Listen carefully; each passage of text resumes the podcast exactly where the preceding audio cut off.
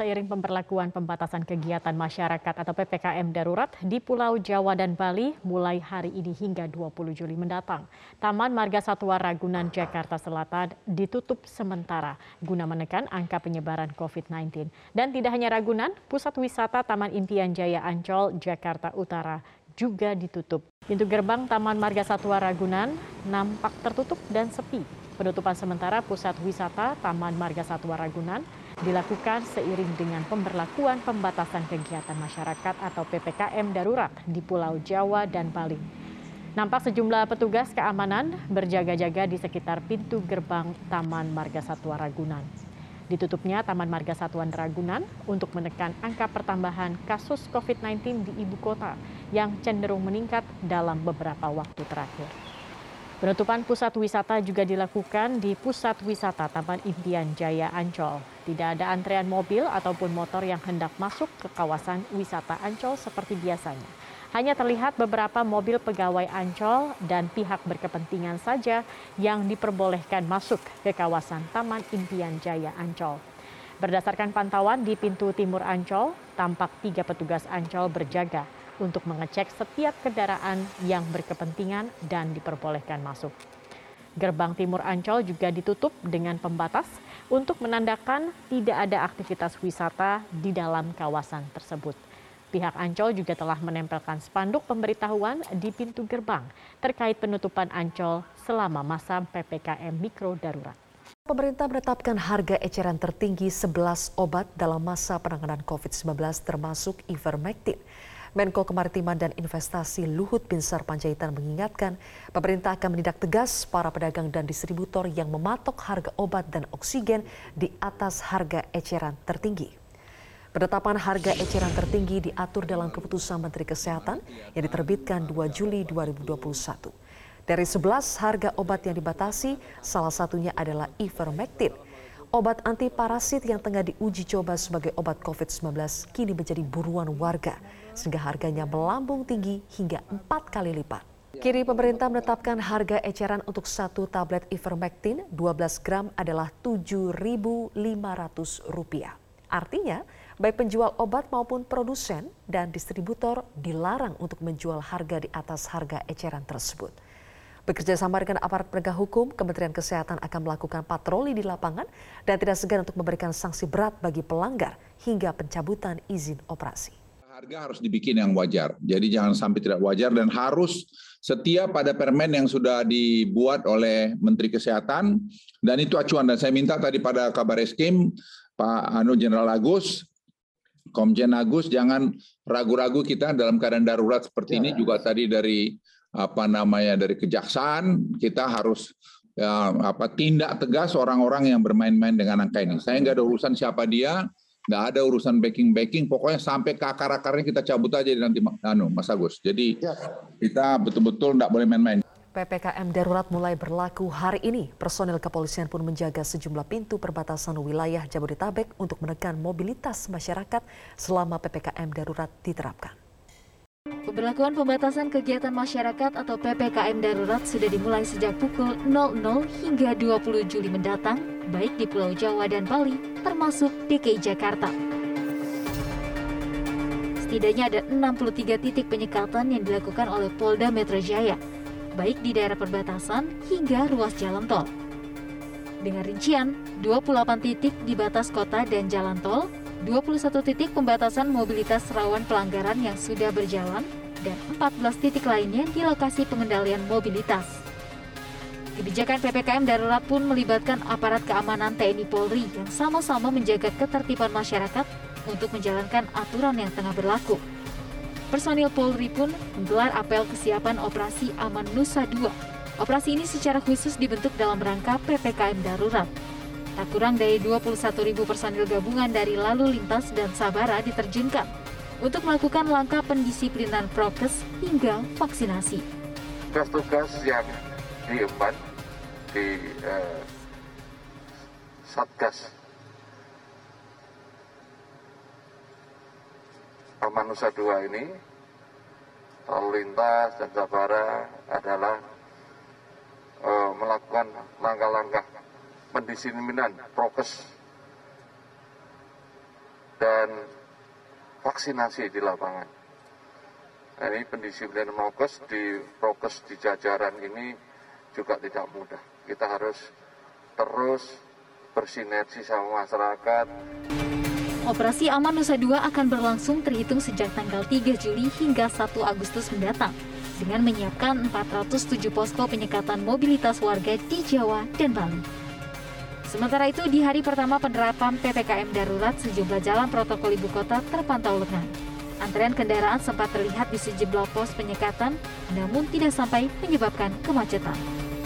Sejak Sabtu dini hari, kepolisian melakukan pembatasan mobilitas masyarakat di sejumlah daerah. Di Jakarta, polisi membatasi jalan keluar tol dalam kota Jakarta, ruas Cawang, Tomang, dan Pluit. Sementara di Surabaya, Jawa Timur, polisi melakukan penyekatan di Bundaran Waru. Untuk mengetahui informasi selengkapnya kita bergabung dengan rekan Glory Nata dari ruas jalan tol dalam kota Jakarta Pusat dan Reno Reksa yang melaporkan dari Bundaran Waru, Surabaya. Saya akan ke Glory terlebih dahulu. Glory, bagaimanakah kondisi penyekatan yang dilakukan di ruas jalan tol saat ini dan apa sanksinya bagi pengendara yang memaksa melintas? Ya Sylvia, sejak tanggal 3 Juli hingga 20 Juli 2021 pemerintah pusat ini melakukan PPKM darurat yaitu dengan cara membatasi uh, mobilitas masyarakat dengan menutup beberapa ruas-ruas jalan. Salah satunya seperti di ruas jalan tol dalam kota khususnya di pintu keluar jalan tol arah ke Semanggi, Senayan, Kebayoran, dan juga Tebet ini dilakukan penutupan total. Selain itu juga dilakukan penutupan total di beberapa tol-tol lainnya, di antaranya ada tol Cakung arah Jagorawi, kemudian tol Tomang arah Tangerang, dan juga tol Halim dan tol Cikunir arah Cikampek. Dan seperti saat ini pemirsa saya berada di ruas jalan keluar tol arah Semanggi dan juga Senayan. Ini dilakukan penutupan dengan pembatas jalan berwarna oranye serta juga ada eh, beberapa mobil-mobil polisi yang berjaga-jaga di jalan ini. Namun memang tampaknya masih banyak sekali masyarakat ataupun warga DKI Jakarta yang belum mengetahui kebijakan penutupan jalan ini sehingga masih banyak pengendara yang turun dari mobilnya kemudian bertanya kepada para uh, polisi yang berjaga di sini terkait dengan penutupan jalan. Namun memang pihak dari kepolisian tidak memperbolehkan kendaraan-kendaraan tersebut melewat melintasi jalan ini kecuali bagi pengendara yang memiliki pekerjaan dalam masuk dalam sektor-sektor esensial. Dan memang biasanya terjadi sedikit antrian kendaraan tepatnya di pintu keluar tol ini karena memang uh, adanya penutupan jalan ini. Selain di jalan-jalan tol, penutupan jalan juga dilakukan di ruas uh, jalan protokol seperti di Sudirman Tamrin.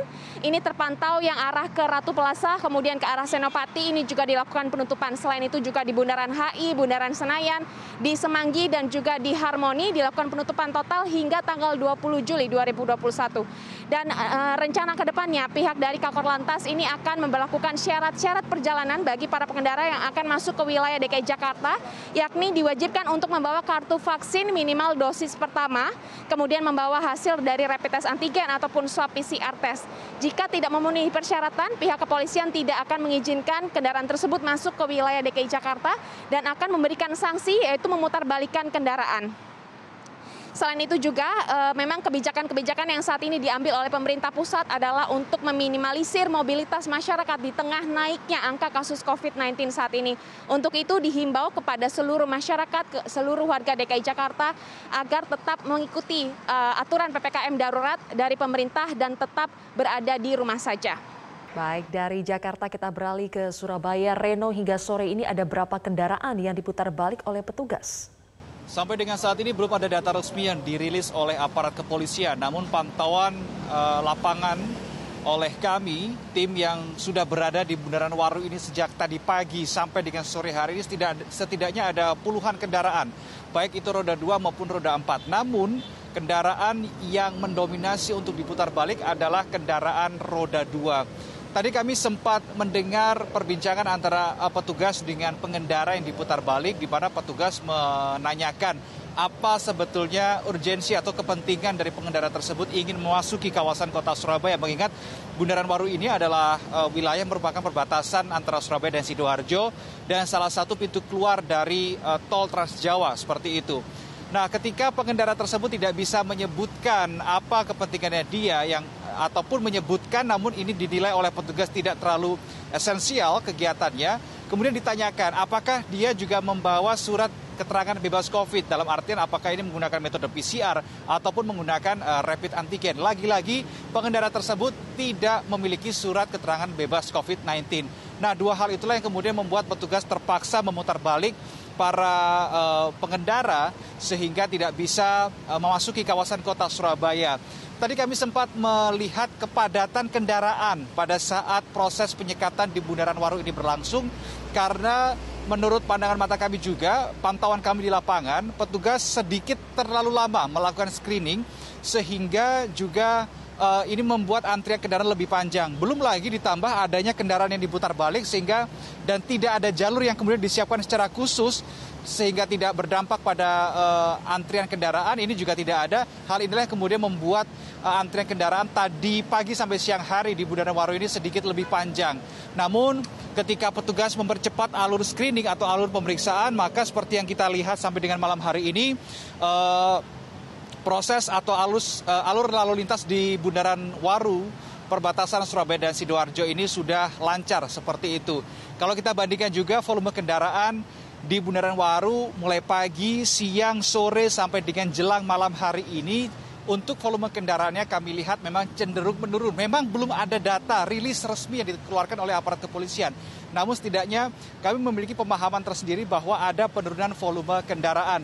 Dan uh, malam hari ini Sylvia, sebelum saya kembalikan ke Anda di studio, pukul 17 lewat 44 menit waktu Indonesia Barat, di belakang saya ini hanya sebatas water barrier saja tanpa ada petugas yang berjaga, entah itu dari aparat kepolisian, Satpol PP maupun dari Dinas Perhubungan. Pasca tenggelamnya KMP Yunis di Selat Bali, Komite Nasional Keselamatan Transportasi atau KNKT menginvestigasi penyebab kecelakaan tersebut dengan mengkaji data serta mengumpulkan keterangan dari saksi. Ketua KNKT mengaku derasnya Selat Bali menjadi salah satu kesulitan bagi petugas yang terjun ke lapangan. Saat meninjau lokasi di Banyuwangi, Jawa Timur, Jumat kemarin, Ketua KNKT Suryanto Cahyono menyampaikan, pihaknya masih dalam pengumpulan data sebelum mengkaji lebih lanjut penyebab tenggelamnya kapal. KNKT fokus dalam pengumpulan data kapal seperti dokumen kelaikan kapal, prosedur muatan kapal, manifest penumpang, serta izin untuk berlayar, juga akan menganalisa kondisi cuaca saat kapal berlayar. Di satu sisi, KNKT memiliki kesulitan tersendiri untuk melakukan pemeriksaan secara fisik kapal motor penumpang Yunis. Mengingat kapal berada 70 meter di bawah permukaan laut, sehingga sulit untuk dilakukan penyelaman. Kita dari data-data dulu, nanti kalau memang bisa kita turunkan ke ROV, kita turunkan ke fisiknya. Tapi mengingat arus di Selat Bali ini kenceng, mungkin ya, pilihan itu mungkin akan sulit dilaksanakan. Berdasar masih mengumpulkan semua Hingga hari keempat tenggelamnya KMP Yunis di Selat Bali, dari 76 orang termasuk anak buah kapal, tercatat 51 orang ditemukan selamat, 7 orang meninggal dunia, serta 18 orang lainnya belum ditemukan. Hingga kini proses pencarian masih terus dilakukan tim gabungan Basarnas Banyuwangi, Bali, TNI Angkatan Laut dengan mengerahkan tiga kapal Republik Indonesia, serta kepolisian yang mengerahkan satu unit helikopter dan beberapa kapal. Majelis Keselamatan Negara Malaysia memutuskan melaksanakan perintah kawalan pergerakan diperketat pada sejumlah daerah di Selangor dan Kuala Lumpur. Pengetatan dilakukan selama 14 hari mulai 3 Juli hingga 16 Juli 2021. Menteri Pertahanan Malaysia Datuk Sri Ismail Sabri Yaakob mengatakan penguncian wilayah tersebut berdasarkan pertimbangan Kementerian Kesehatan Malaysia mengenai situasi COVID-19 baik di Selangor dan Kuala Lumpur. Kedua provinsi menunjukkan tren infeksi yang tinggi dengan total kasus melebihi 12,1 per 100 ribu penduduk.